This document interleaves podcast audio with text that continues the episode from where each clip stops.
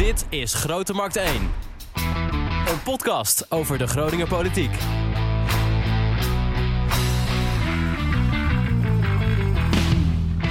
Welkom bij uh, Grote Markt 1, Groningen Kies. De podcastserie waarin wij uh, gaan vooruitblikken op de Tweede Kamerverkiezingen van uh, 22 november aanstaande. Mijn naam is Maarten Siepel, verslaggever bij OogTV. En natuurlijk eh, zit ik aan tafel met Echo van Oosterhout. Ja, goedemiddag Maarten. Weer live vanuit het forum tijdens het evenement Let's Grow. In deze podcastserie gaan we het hebben over onderwerpen die voor Groningers belangrijk zijn. Dat doen we deze keer over de thema's wonen en onderwijs. Ehm, eigenlijk zouden we een aparte podcast maken over onderwijs met D66 en PVV. Uh, maar ondanks het enthousiasme van Rijn de Brouw en Dennis Ram lukt het uh, helaas niet om uh, aanwezig te zijn. Ja, dus, agenda, agenda technisch. Agenda technisch was het een beetje lastig. Technisch. Um, maar daarom gaan we de, een derde persoon eigenlijk toevoegen aan deze podcast. En daarom zijn we extra blij dat ze hier aanwezig is. ze was ruim zeven jaar ge gemeenteraadslid in Groningen. Zit sinds 2021 in de Tweede Kamer. En momenteel op plek 7 op de kandidatenreis voor D66. Wieke Paulusma, welkom. Dankjewel. Hartstikke Allereerst, leuk om hier te zijn. Ja, super. Nou, we gaan het uh, hebben over wonen en onderwijs. Maar toch, uh, u houdt zich in de Tweede Kamer heel erg bezig met zorg. Uh, nu was het afgelopen weken, twee weken, kwam het nieuws dat de kinderhartcentra in Leiden, Utrecht en Amsterdam de handen ineen gaan slaan. U heeft zich natuurlijk ook heel erg veel ingezet voor het kinderhartcentrum in Groningen. Hoe keek u eigenlijk naar dit bericht van die drie UMC's die misschien zeggen van nou ja, er zit nog wel toekomst bij ons? Nou, ik dacht een beetje flauw gezegd, dat hadden ze 30 jaar geleden moeten bedenken. Want zo lang duurt dit dossier al. En de minister heeft nu een besluit genomen, een heel terecht besluit, voor zowel Rotterdam als voor Groningen. Uh, want de mensen die deze hele zieke kinderen kunnen opereren, dat zijn er maar heel weinig. Uh, dus het moet ook op minder plekken. En ik ben blij dat Ernst Kuipers dat besluit genomen heeft. En ik ben heel blij dat het met onze inspanningen ook gelukt is om het in Groningen te houden. Dus uh, wat u betreft blijft het in Groningen? Zeker. Ja. Wat was je reactie, je eerste reactie? Ik dacht. Ik dacht, even je, aan je. Ik dacht even toen, uh, toen dat bericht naar buiten kwam. Toen dacht ik, Wieke is vast boos. nou, uh, Wieke was zeker wel een beetje boos. Omdat ik ook uiteindelijk vind dat de politiek dit besluit niet had moeten nemen. Dit had het zorgveld al veel eerder zelf moeten doen. Ja. Nu neemt deze minister een besluit. En nu gaan opeens partijen samenwerken waar we al 30 jaar om vragen. En het is niet in het belang van de patiënt om dit soort hele complexe zorg op zoveel plekken te organiseren. Dus we moeten dit concentreren. En dat is een besluit wat nu genomen is, dat is goed uitgevallen voor Groningen en voor Rotterdam. En we moeten nu ook doorpakken. Oké. Okay. De volgende gast uh, zat uh, tien jaar in de Provinciale Staten voor de SP. Uh, ondertussen ook al zes jaar in de Tweede Kamer. Houdt zich daarin ook heel erg bezig met wonen en het aardgasdossier rondom Groningen. En we staan momenteel op plek 2 op de kandidatenlijst voor de SP. Sandra Bekkerman. Ja, klopt. Sandra, ehm, de SP heeft eigenlijk als enige partij niet één, maar zelfs twee Groningers in de top 5. Ja, hoe kan dat nou eigenlijk dat alle andere partijen dat niet doen? Uh, nou, laat ik gewoon bij de SP blijven. Ik denk dat uh, er een positieve en een negatieve reden voor is dat wij twee Groningers in de top 5 hebben. Uh, en laat ik dan, ik ben natuurlijk een SP'er, even negatief beginnen. Um, en ik denk dat het komt omdat Groningen heel wat heeft om voor te strijden op dit moment. Um, wij krijgen nooit iets cadeau. we moeten voor alles vechten in Den Haag. Uh, en ik denk dat dat een van de redenen is waarom we nu veel Groningers hoog op de lijst hebben. En de positieve reden uh, is denk ik ook dat uh, Groningers weten dat Groningen het waard is om voor te strijden. en dat ook met verve doen de afgelopen jaren. En dat dat de positieve reden is. Maar ik ben heel trots op dat Jimmy Dijk ook in de Tweede Kamer zit en wil blijven. Ja. Nou, de laatste gast uh, van deze podcast is fractievoorzitter voor het CDA in de gemeenteraad in Groningen. Staat op plek 19 op de kandidatenlijst en is uh, naast politicus ook meester op een basisschool hier uh, in Bijhem, volgens mij, hè, in de wijk Bijhem. Ja, Bijhem ja. groep 8. Hey, helemaal goed. Jalt Haan, welkom. Ja, dankjewel. Jalt, voor het eerst sta je op de kandidatenlijst voor de Tweede Kamerverkiezingen. Maakt dat ook nog voor jou een, een, een andere soort campagne dan eerder? Um, nou ja, um, tuurlijk probeer je altijd je steentje bij te dragen uh, aan elke campagne van het CDA. Want ik geloof echt uh, in ons verhaal hè, voor een fatsoenlijk land, normen en waarden, gemeenschapszin. Uh, maar nu je op de lijst staat, ja, ja, vraagt dat nog wel wat extra's van je. En mag je je ja, nog actiever bezighouden met het, ja, met het, met het strijden voor een zo goed mogelijk resultaat. Dat CDA van jou, is dat uh, de, uh, het CDA van Wopke Hoekstra of is dat het CDA van, uh, laten we zeggen, Henri Bontebal? Dat is het CDA van heel veel mensen. En eh, zeker op dit moment ook van onze fantastische lijsttrekker Harry Bontebal. En de Pieter Omzicht bijvoorbeeld. Dat is ook een goed politicus, ja. Ja, maar de, eh, eh, eh, laten we zeggen, die was ooit lid van het CDA. Klopt ook. Heb je er last van? Ehm, ja, het is natuurlijk een vraag die ik niet voor de eerste keer krijg. Dus in die zin eh, heb je het liever over, eh, over, over, het, over je eigen verhaal en over het verhaal voor het CDA dan dat we het eh, altijd over Pieter Omzicht moeten hebben. Maar ik denk dat het een, een grote concurrent is. En aan de andere kant is het denk ik heel mooi dat er nou ja, wat meer christendemocratisch gedachtegoed in de Kamer lijkt te komen.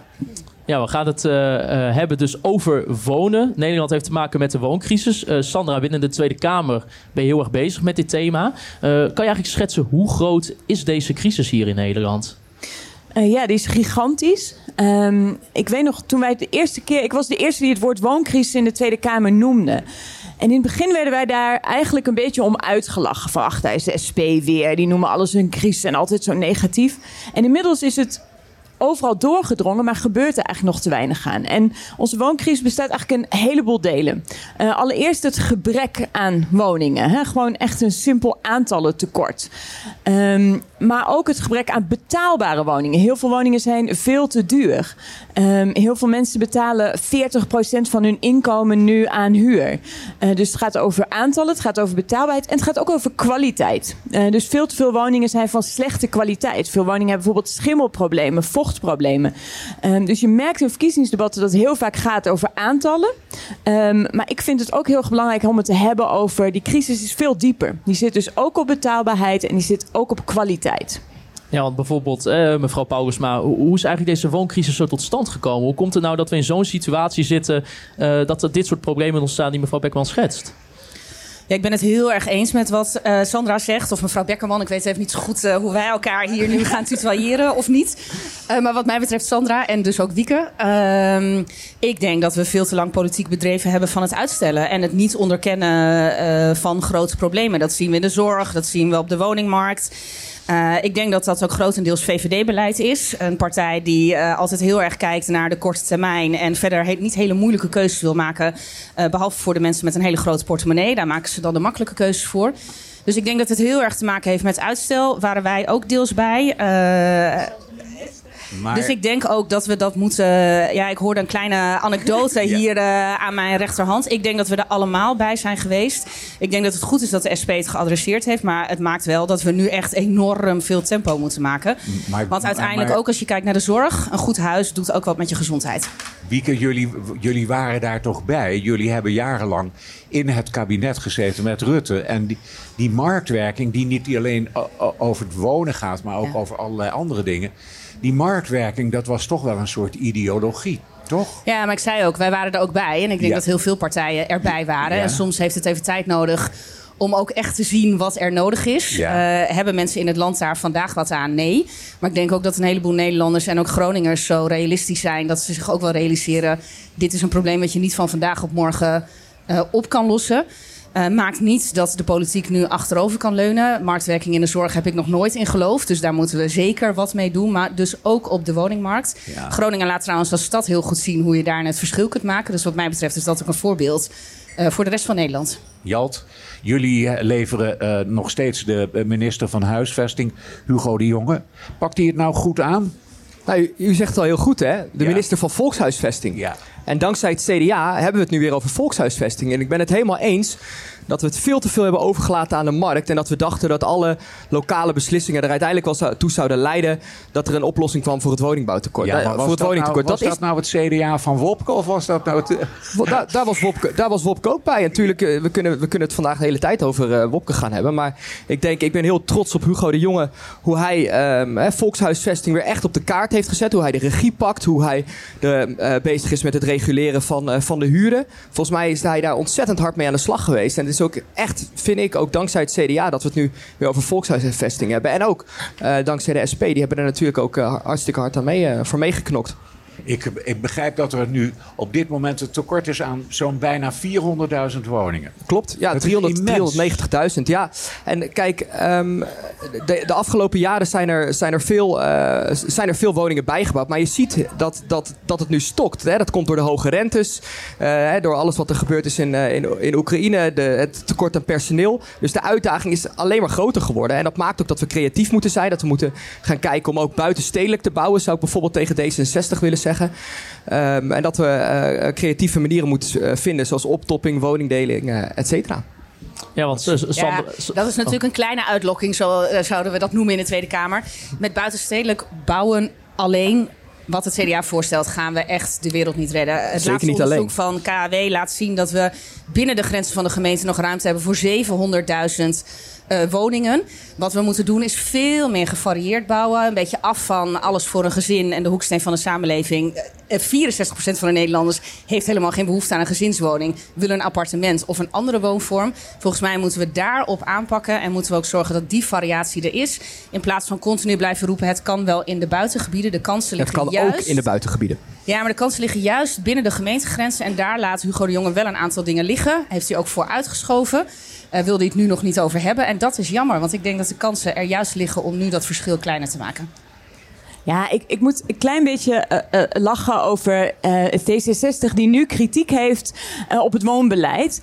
Ehm, Maar dat Maar- hadden we de afgelopen periode ook al. nou, Wieke, maar mag Zelfs ik in de je... coalitie. Kijk, weet je wat het lastige is altijd aan verkiezingscampagnes? En we kunnen gerust zeggen, we doen er allemaal aan mee. Mooie plannen maken.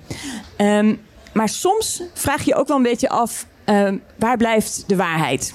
Eh, en nou zie ik bijvoorbeeld in een stemwijzer... En dan zie je een mooie stelling. Eh, de huren mogen de komende drie jaar niet stijgen. En wat zegt het D66 dan? Die zegt eens. Ze hebben altijd iets anders gestemd in de Kamer. Dus ik zag die stemwijze. Ik dacht, mooi, fijn, goed nieuws, lekker. Eindelijk, voortschrijdend inzicht. Dus ik heb precies die stelling uit de stemwijzer ingediend als motie. Wat doet D66? Stemt tegen. Ja, en dan kunnen we alle debatten hier voeren en zeggen dat er een wooncrisis is en dat wonen te duur is. Maar of u ligt in de stemwijzer of u ligt in de Kamer. Maar ergens klopt het niet. reactie? Ja, dit vraagt zeker om een reactie. Want ik hou namelijk niet van de grote woorden liegen. Eh, wij hebben de stemwijzer naar waarheid ingevuld. Daar zat ook een hele goede toevoeging bij. Wat de SP doet, en dat doet de SP heel vaak, is een motie indienen. Heel hard op de trom slaan. Er vervolgens geen dekking bij hebben. Dat is één van de redenen, want dat heet namelijk gratis bier, ook op de woningmarkt. En het tweede is dat u een motie indienen namens de SP met een huurverlaging voor iedereen. En wij hebben juist, en dat was ook in de toevoeging op de stemwijzer gezegd. Ja, wij zijn voor huurverlaging. Dat is zelfs in deze periode eh, met deze minister gerealiseerd voor de laagste inkomensgroepen. Maar wij zijn niet voor een huurverlaging voor de miljonair die hier prima zijn eigen appartement kan betalen. Dus de Dat stemwijzer klopt niet. De stemwijzer klopt uitstekend. Je kunt daar weet- gewoon kiezen tegen of voor of niet geen precies mening. hoe dat werkt, de stemwijzer. Dus als we het dan hebben over de waarheid of geen waarheid, zo werkt het niet. En we hebben niet voor uw motie gestemd, omdat hij dus geen dekking had en geen maatwerk leverde. Ah, we hebben een hele mooie de dekking. huizenmarkt heeft juist maatwerk nodig. We hebben een hele mooie dekking. Ehm, weten jullie dat? En dat is best wel interessant. De huurders nu één maand huur rechtstreeks aan de staatskas betalen. Want we hebben iets heel bizars in Nederland. Woningcorporaties en dus de huurders die betalen winstbelasting. En ze betalen ATAT. Dat is een belasting voor belastingontwijkende multinationals. Die leggen we op aan alle huurders eh, in de sociale huursector. Dus wat de SP betreft, en daar hebben we ook een voorstel voor gedaan, schaffen we die belasting af en gebruiken we dat geld voor drie dingen. Eén, die huren betaalbaar houden, voor een deel eh, verlagen. Eh, twee, nieuwbouw.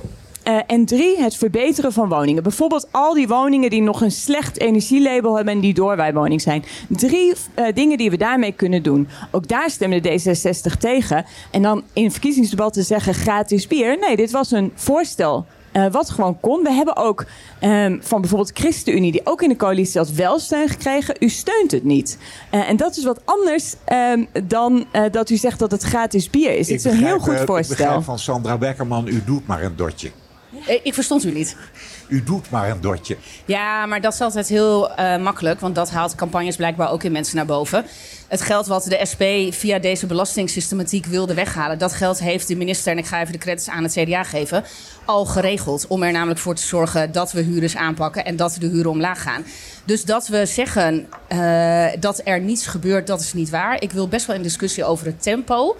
Maar altijd met moties strooien en doen alsof je het beste voor hebt met mensen. Maar niet de keuzes daarachter uit durft te leggen. Dat sommige dingen gewoon tijd kosten. Of niet op die manier gefinancierd kunnen worden. Ja, zo zit D66 niet in elkaar. Ja, want Jalt... En zo kom je in een wooncrisis. Jalt, hoe, hoe, hoe, volgens het CDA, hoe zou dan wel dit veelkoppige monster wat die woningcrisis is... Op, ja, kunnen worden aangepakt?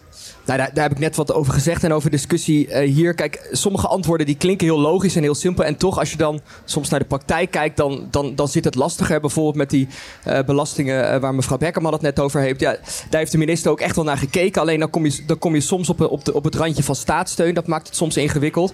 En dat geldt ook wel met die huren. Want aan de andere kant willen we ook zorgen dat corporaties genoeg woningen bij kunnen bouwen. Dat corporaties woningen kunnen verduurzamen. Um, dus soms ligt de, de, de waarheid ook iets ingewikkelder. Dan uh, op jouw uh, vraag reageert. Kijk, ja, we moeten er in, in, elk geval zorgen dat we dus vaart blijven maken uh, met het bouwen van woningen. Ik heb net gezegd dat moeten we binnenstedelijk doen, maar ook zeker uh, buitenstedelijk. Het CDA pleit er ook echt voor om eigenlijk in elk dorp, in elke stad, een straatje erbij te bouwen. het CDA vindt het ook heel erg van belang dat dorpen leefbaar houden. Dat daar plekken zijn voor onze jongeren, voor onze starters, voor onze senioren. Um, dus het, het, het, het, zal heel veel vragen. Het zal ook vragen dat we niet alleen in de Randstad veel woningen bijbouwen, maar ook in de rest van Nederland. Ook hier in het noorden van Nederland. Ook daar pleit onze uh, minister voor. Um, dus het, het, zullen heel verschillende, uh, verschillende, veel verschillende manieren zijn. wat allemaal moet bijdragen aan het oplossen van dit tekort. Ik ben het wel heel erg met jou eens over woningen ook in Noorden bouwen en ook in dorpen bouwen. En tegelijkertijd wat we nu zien, dat is ook wel deze minister, is dat de woningen die gebouwd worden ontzettend duur zijn. Dus zag deze week cijfers dat bijvoorbeeld 1 op de 10 woningen in Friesland die verkocht wordt, gaat naar iemand uit de Randstad. Waardoor heel veel jongeren uit de dorpen helemaal geen plek vinden. Ja. En dus het is nu wel echt zaak om juist ook betaalbaar te bouwen, sociale huur te bouwen, uh, maar ook voor die middengroepen te bouwen. En dat kon nou juist met ons voorstel. Uh, en het is eigenlijk heel raar om te zeggen, nou, we moeten de huren hoog houden, want dan betalen huurders voor nieuwbouw.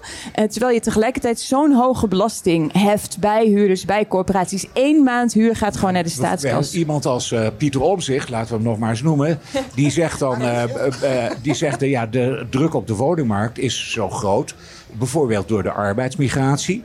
Uh, er is nog een, uh, de, eh, dus arbeidsmigratie is, is er een van. Het is de asielzoekers, die leggen natuurlijk ook wat druk, maar veel bescheidener. dus eigenlijk zouden we daar een, een rem op moeten zetten zodat daardoor meer ruimte ontstaat. Zegt het CDA ook. Dus dat, ja. is, uh, dat, dat, is niet alleen Pieter Omzicht. En dat zijn veel meer partijen die vinden dat we wat aan, de, maar... aan migratie moeten doen. Want dat loopt op dit moment uit de klauwen. Dus we, we moeten zorgen dat we grip krijgen op migratie. Um, en, en, we zien het ook in Ter Apel. Daarvoor hebben we ook een spreidingswet nodig, maar ook zeker grip op migratie. En Wieke, hoe zie jij dat dan? Ja, wat ik altijd heel ingewikkeld vind, is dat partijen vaak eenzijdig de bal bij migratie neerleggen. Ik vind dat we veel beter uh, voor onze arbeidsmigranten moeten zorgen.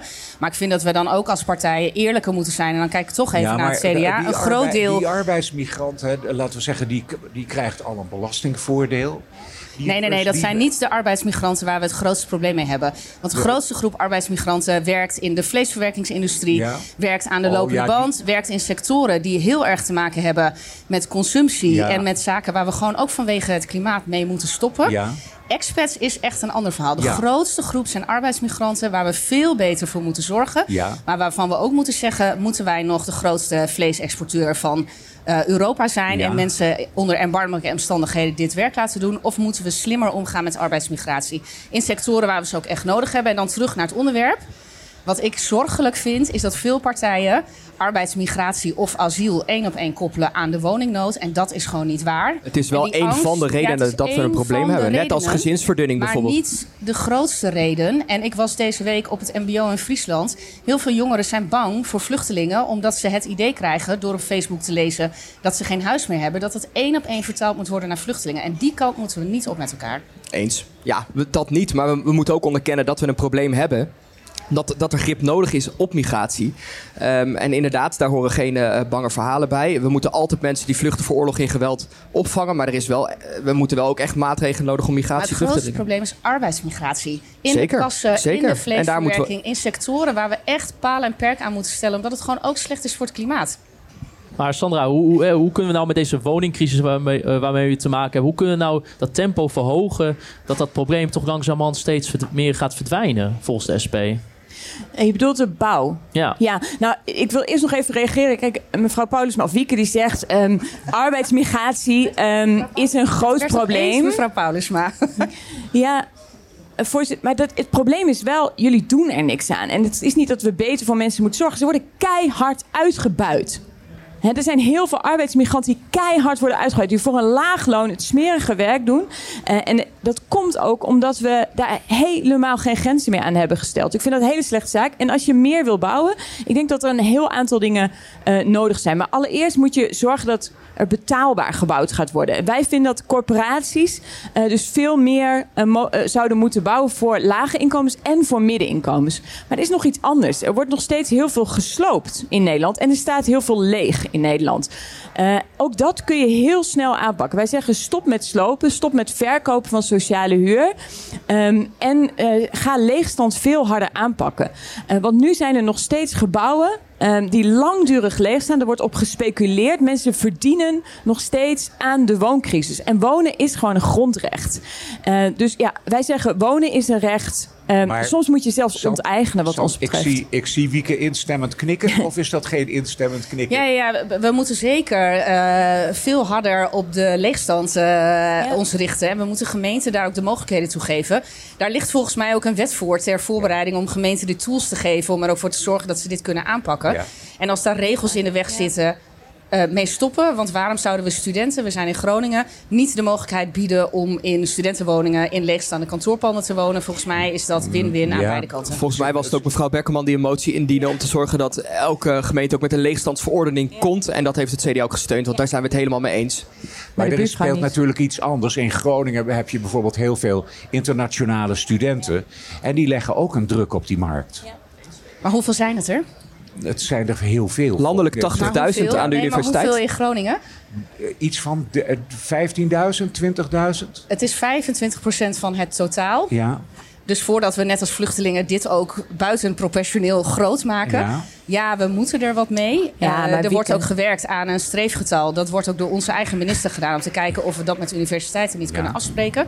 Maar Groningen zou Groningen ook niet zijn als we ook niet ruimte zouden bieden aan internationale Nee, maar natuurlijk moeten we ruimte bieden. Maar dit is nou precies hoe die wooncrisis ontstaan. Elke keer als iemand zei, hé, hey, er is een probleem... dan zei D66, ja, nee, we relativeren het wel een beetje weg. En nee, zo nee, zijn we hier, maar, nee, maar Sandra, zo zijn we hier gekomen. Niet. Die ik studentenkamers... heb exacte cijfers. Want anders kun je een probleem niet oplossen. Dat is net als maar... bij het vluchtelingenvraagstuk. Als we zeggen, het er zijn er heel veel... Dan komen we niet verder. We moeten het hebben over de juiste aantallen en dan maatregelen maar treffen. Niemand, en daar vindt u mij aan uw zijde. Niemand wil uh, dat er helemaal geen plek meer is voor internationale studenten. Maar kijk naar de stad. En kijk naar de hoeveelheid tekorten aan betaalbare woningen. Dit is gewoon ons over het hoofd gegroeid. En dat komt ook door het verdienmodel, de manieren waarop we universitair onderwijs aan het financieren zijn. Kom maar hier naartoe. En vervolgens is er geen woonruimte. Gaan die prijzen voor kamers die gaan door het dak. Het is gewoon onbetaalbaar geworden. En we hebben gewoon een crisis en daar moeten we nu op handelen. Oké, okay, Jalt. Reageer eens even. Ja, ik ben het wel eens uh, met, mijn, met mijn collega van de SP, want het is wel degelijk een probleem. Als we het over de cijfers hebben, uh, 80.000 internationale studenten aan onze universiteit, 10.000 op het HBO, inderdaad een kwart van alle studenten. En er zijn een aantal oplossingen die we echt uh, zullen moeten nemen. Uh, dat betekent eerst dat we heel kritisch gaan kijken naar de taal van opleidingen. het CDA vindt dat er veel meer opleidingen gewoon in het Nederlands aangeboden moeten worden. Ten tweede, um, sommige opleidingen zou je ook ervoor kun, kunnen kiezen om zowel in het Nederlands als in het Engels aan te kunnen bieden. En dan bij de Engelstalige opleiding er ook een grens um, aan uh, te stellen. En we moeten er ook voor zorgen, want ik zie ook echt wel de zorgen van universiteiten, dat er veel, uh, een groter of dat er een vast bedrag komt die, uh, die um, universiteiten vergoed krijgen, zodat die prikkel er ook uitgaat. Maar op dit moment loopt het ook echt uit de klauwen. We zien het hier jaarlijks in Groningen, waarbij het echt een chaos is aan het begin van het jaar. Talloze honderden, duizenden studenten geen kamer kunnen vinden. Dus we zullen er echt iets aan moeten doen. Ja. Maar, in, maar in, Eens welke, hoor ik iedereen. in welke gradatie zou, zou dan hè, de internationalisering naar beneden moeten? Kijk, eh, twee dingen. Ik vind dat D66 gaat nooit problemen uit de weg, maar wel op basis van cijfers. Dus laten we het hebben over de werkelijke aantallen en wat dat doet. Laten we daar ook partijen, als we het hebben in Groningen, laten we het maar even over hier houden, de partijen uit de stad bij te betrekken. Want ik vind dat universiteiten, maar ook de Hansen, veel meer hun verantwoordelijkheid moeten nemen als het gaat om huisvesting van studenten. Want dat gebeurt eigenlijk te weinig. Dat gebeurt veel te weinig. We moeten ook toewerken naar een streefgetal. Daar is minister Dijkgraaf nu mee bezig. Maar het idee dat je af moet van het Engels, dat het allemaal wel wat minder internationaal kan. Groningen vaart wel bij het gegeven dat wij zo'n internationale blik op de wereld hebben. Ik zeg ook altijd: Groningen is het begin van Europa. Hoeveel, als we het over cijfers hebben, mevrouw Paulusma. hier doen, alles wat wij hier doen, heeft juist een groter effect, omdat we in verbinding staan met de rest van Europa. Als we het over cijfers heb hebben, mevrouw Paulusma. Hoeveel van de studenten blijven na hun studie in Nederland? Ja, Weet u dat? Maar weet u... Nee, maar hoeveel, hoeveel blijven er? Nee, maar dit is de discussie Want u wou het over over- cijfers hebben. Hoeveel blijven er dan? Dat gaat u waarschijnlijk mij zo meteen vertellen. Een kwart. Maar ik wil namelijk het CDA uitleggen dat met een zogenaamde brain drain niks mis is. Dat wij meer studenten opleiden dan hier aan het werk kunnen, is het probleem niet. Wat er, wa- het gegeven dat hier veel mensen naartoe komen om te studeren, om start-ups te beginnen, om internationale samenwerkingen aan te gaan. We hebben gewoon, laat ik het simpel stellen, ik heb lang voor het UMCG gewerkt. Patiënten hebben hier baat bij, bij dit internationale karakter. En ja, dan moeten we nog steeds wat doen aan het gegeven dat er te weinig woonruimte is en dat sommige dingen uit de klauwen lopen. Maar doen alsof teruggaan naar het Nederlands en een beetje ons kent ons de oplossing is voor alles. eh, daar Het is één van de oplossingen, zeker. Als we het hebben over studenten wat meer in bredere zin. Een, een ander onderwerp dat natuurlijk heel erg speelt bij studenten eh, is het onderwerp de pechgeneratie. Wat doen we met de, de de, de basisbeurs? Ehm, ja, eh, Sandra, een echte studentenstad Groningen. Wat moeten we eigenlijk met al die schulden van al die Groningse studenten? Ja, en daar komt nog bovenop. Hè. We hebben dus gewoon één pechgeneratie. Hè. Dus één generatie die moest lenen. En die nu ook nog eens een keer eh, twee weken geleden gehoord heeft... die lening die wordt veel duurder, want die rente gaat heel hard omhoog. Eh, en SP is echt voor compensatie van de pechgeneratie. Wij, SP is altijd tegenstander geweest, net als het CDA, van het leenstelsel. En we hebben vorige week, dat is dan wel weer leuk, samen met D66 het voorstel ingediend om die rente eh, te bevriezen op eh, 0%. Dus bevriezen kan wel. Ehm, en helaas is dat dan weer weggestemd door de buurman. Zeker, Eh, was maar wij goede blijven dekking. echt eh, strijden voor eh, compensatie van die pechgeneratie. Want met zo'n enorme schuld eh, de rest van je leven beginnen... terwijl nou, w- wonen al veel te duur is... eh, niet voor iedereen eh, er een gouden toekomst in het verschiet ligt... is gewoon een drama. En dat we zo één generatie daartussen hebben zitten... is gewoon... eh, ja, je mag niet zeggen dat mensen pech hebben. Je moet echt. Ja, dit is een politieke eh, probleem. Hè. De politiek heeft dit veroorzaakt door foute keuzes. En de politiek moet het ook weer oplossen. En daar blijven wij voor strijden. Ja, Jalt, wat ik eh, zag, het CDA stemde daar dus iets anders in. Eh, tegen de motie van D60 en SP wel. We hebben wel eh, de motie over de, ehm, eh, met de andere dekking hè, ro- eh, rondom de belasting voor de expats. Die hebben we wel gesteund, waardoor je uiteindelijk die ehm, eh, rente omlaag bent. Maar we waren inderdaad niet voor eh, de motie van de SP omdat we die, en eh, D60 omdat we die dekking niet goed vonden. Ehm, dus dat en ook... Ja, nee. En ook het eerlijke verhaal is: niemand heeft deze studenten, en dat is toch misschien niet de meest populaire boodschap. Niemand heeft uiteindelijk studenten beloofd dat die ehm, eh, huur altijd op 0% zou blijven. Dat is ook een verhaal wat is ehm, gaan leven. En ik snap heel goed de zorgen. Ik snap ook D66 ook dat ze zich een beetje schuldig voelen omdat ze die basisbeurs hebben ingevoerd. Dat ze nu met eh, deze motie komen. Hadden we sowieso eh, nooit moeten doen, de basisbeurs afschaffen. Ehm, maar ja, deze, we, we hebben de, we hebben de motie gesteund om te kijken om die ehm, eh, rente eh, ja, zoveel mogelijk naar beneden te krijgen. Maar ja, veel meer kunnen we niet doen. Nou, eh, veel meer had u wel kunnen doen. En ja, het is met terugwerkende kracht had de basisbeurs niet afgeschaft moeten worden. En ben ik het ook zeker eens met de gevolgen die studenten daar nu eh, ondervinden. Vandaar ook het voorstel samen met de SP. En het CDA kan hier wel zeggen, we waren het niet eens met de dekking. Het werd gefinancierd vanuit de verhoging van het BTW-tarief voor de bloemensector. Een sector die al jaren uit de wind gehouden wordt, omdat het de achterban is van het CDA. Dit was een prima dekking. Waar Samen met nu de SP voor hebben we het heel erg opgenomen voor bijvoorbeeld de bloemist Waar en u nu paddenpoel. Die voor willen we toch niet heeft, boos maken. Waar u nu voor gestemd heeft, is eigenlijk een kleine pleister. En dat vind ik heel jammer voor een heleboel studenten die hier echt wat uit hadden kunnen halen. Toch is wel grappig, toch? Wie, eh, degene die mede het- dit veroorzaakt heeft, die gaat nu boos zijn op degene, de CDA, Nee, maar- die er altijd tegen waren. En het is natuurlijk wel is, zo dat Jet ik heeft, met- Jet Bussemaker met heeft wel tegen studenten Ja. gezegd. eh, ga maar lenen. De overheid heeft studenten aangemoedigd om in de schulden te raken. En schulden zijn een gigantisch probleem. Voor iedereen eh, die schulden heeft, weet hoe zwaar dat is. En er is nog en, iets vreemds. Ja, en dat mee. nu Er nog is verhogen. eigenlijk nog iets vreemds mee. Dat eh, ik heb twee zonen, die hebben ook geleend. En ik had daar als eh, vader helemaal niks over te zeggen. Als zij gingen lenen bij de Rabobank, dan had de Rabobank meteen geïnformeerd bij pa. En hebben zij toestemming. Maar deze mensen die kunnen gewoon eh, in, een, in, in een interactie met de duo hun be- beurs verhogen, verlagen en ze kunnen alles mee doen. Terwijl er geen enkele in- ouders daar geen enkele invloed op hebben. Dat is toch raar? Ja, dat is heel raar. En kijk, ik ben helemaal niet boos op Jalt. Ik bedoel, we hebben ook nog met gelukkig. elkaar in de gemeenteraad gezeten. Dus het is ook een beetje eh, ons kent ons hier. Eh, maar eh, Sandra, je begon met je bent boos op. Nou, ik begon met dit hadden we niet zo moeten doen. En dat is wat mij betreft een politiek waar we meer energie aan zouden moeten geven. Ook soms erkennen dat je met de wijsheid van nu wat anders zou doen. Soms is het ook goed om te zeggen: Ik weet het niet, laat ik eens ophalen hoe we het beter zouden kunnen doen. Eh, kunnen we daarmee alles uit het verleden goed maken? Eh, nee. Vandaar ook wat ons betreft de focus op de toekomst met de verruiming van de basisbeurs en die ook permanent laten zijn. Eh, maar even heel makkelijk wegzetten dat ik hier alleen boos zit te doen. Nee, ik probeerde juist ook een poging te doen om te laten zien dat politiek soms ook iets is van voortschrijdend inzicht. Eh, en als het gaat om zaken in het onderwijs, hebben wij naast hele goede plannen soms ook voortschrijdend inzicht. maar kijk, excuses zijn mooi. Het probleem is alleen, daar koop je niks voor als je nu met zo'n gigantische schuld zit opgezadeld. Het is heel mooi dat mensen zeggen, ja, we hebben voortschrijdend inzicht, we leren van ons. Iedereen maakt fouten, absoluut. Wij ook. Maar als je echt wil leren van je fouten, dan zeg je niet tegen één generatie, hier heb je een enorme schuld, eh, zoek het maar uit. En oh ja, die rente, eh, ja, daar kunnen we ook niet zo heel veel aan doen. Maar u En- nu tegen de verkeerde. Nee, wij hebben dat wij voorstel gezamenlijk samen gedaan. Maar de compensatie voor de pechgeneratie is echt een lachertje. En dat weet D66 ook is echt een lachertje. Dit is een hele goedkope aflaat voor een gigantisch probleem voor deze generatie. Want wat is uiteindelijk hè, voor D66 dan het bericht richting de studenten die in deze generatie vallen? Voor nu.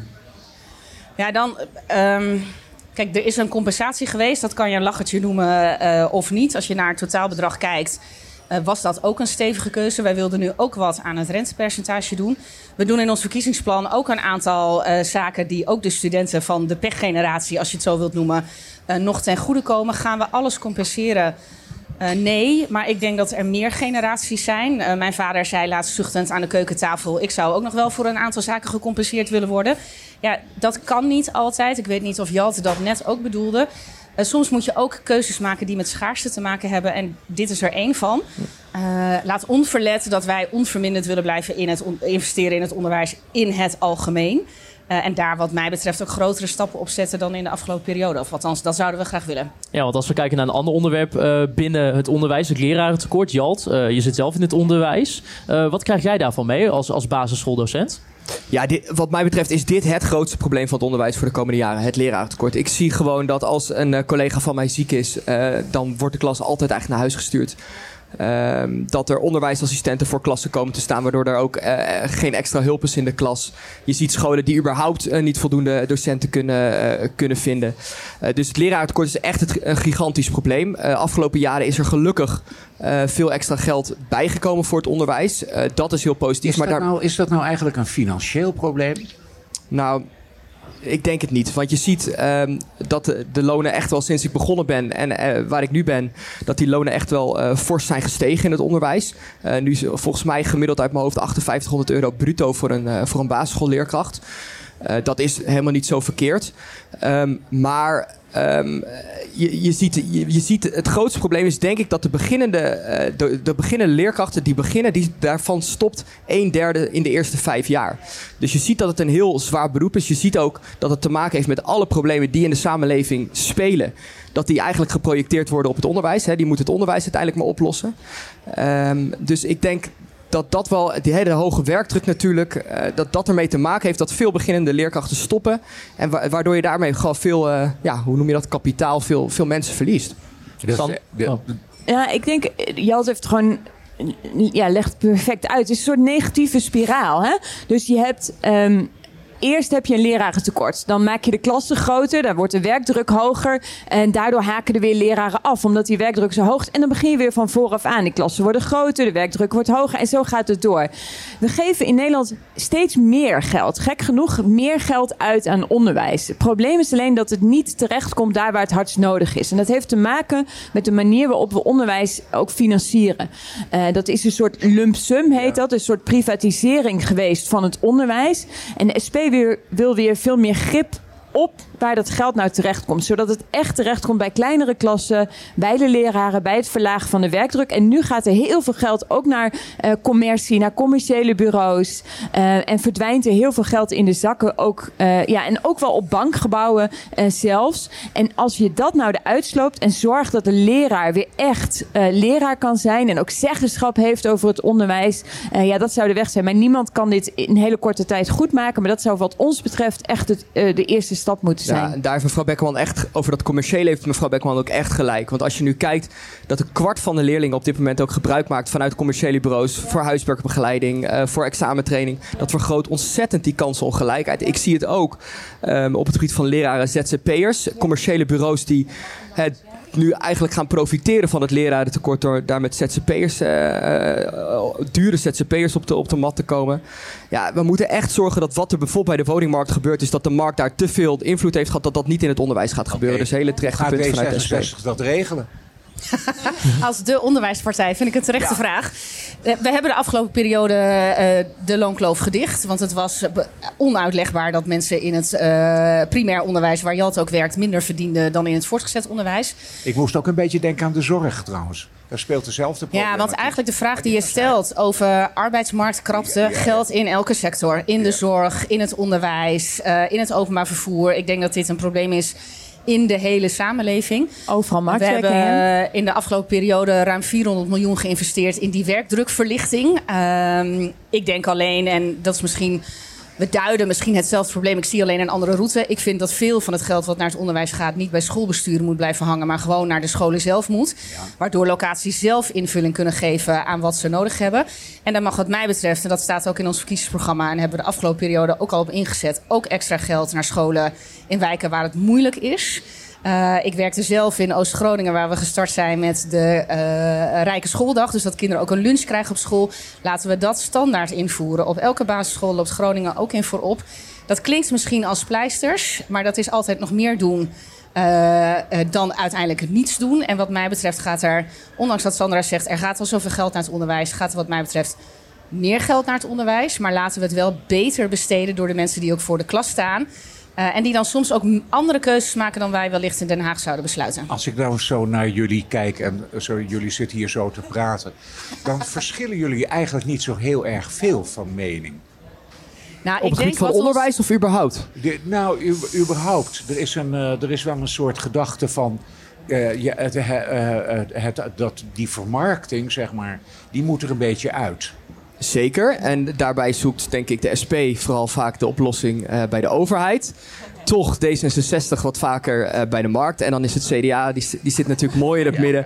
En die kijkt naar de samenleving. Dus ik denk dat dat eigenlijk wel mooi, heel erg mooi de drie smaken zijn. ja. Nou, ik denk... Um, dat het klopt, hè? dat partijen langzaam terugkomen. Kijk, de SP was daar nooit voorstander van, maar je ziet langzaam een draai bij het CDA, bij D66 naar minder markt. Uh, ik moet wel zeggen dat in de praktijk. Um, hè, dit zijn nu verkiezingsdebatten, maar ik, in de praktijk vind ik de afgelopen jaren nog heel erg tegenvallen. En zeker bij D66, wat de markt daaruit slopen.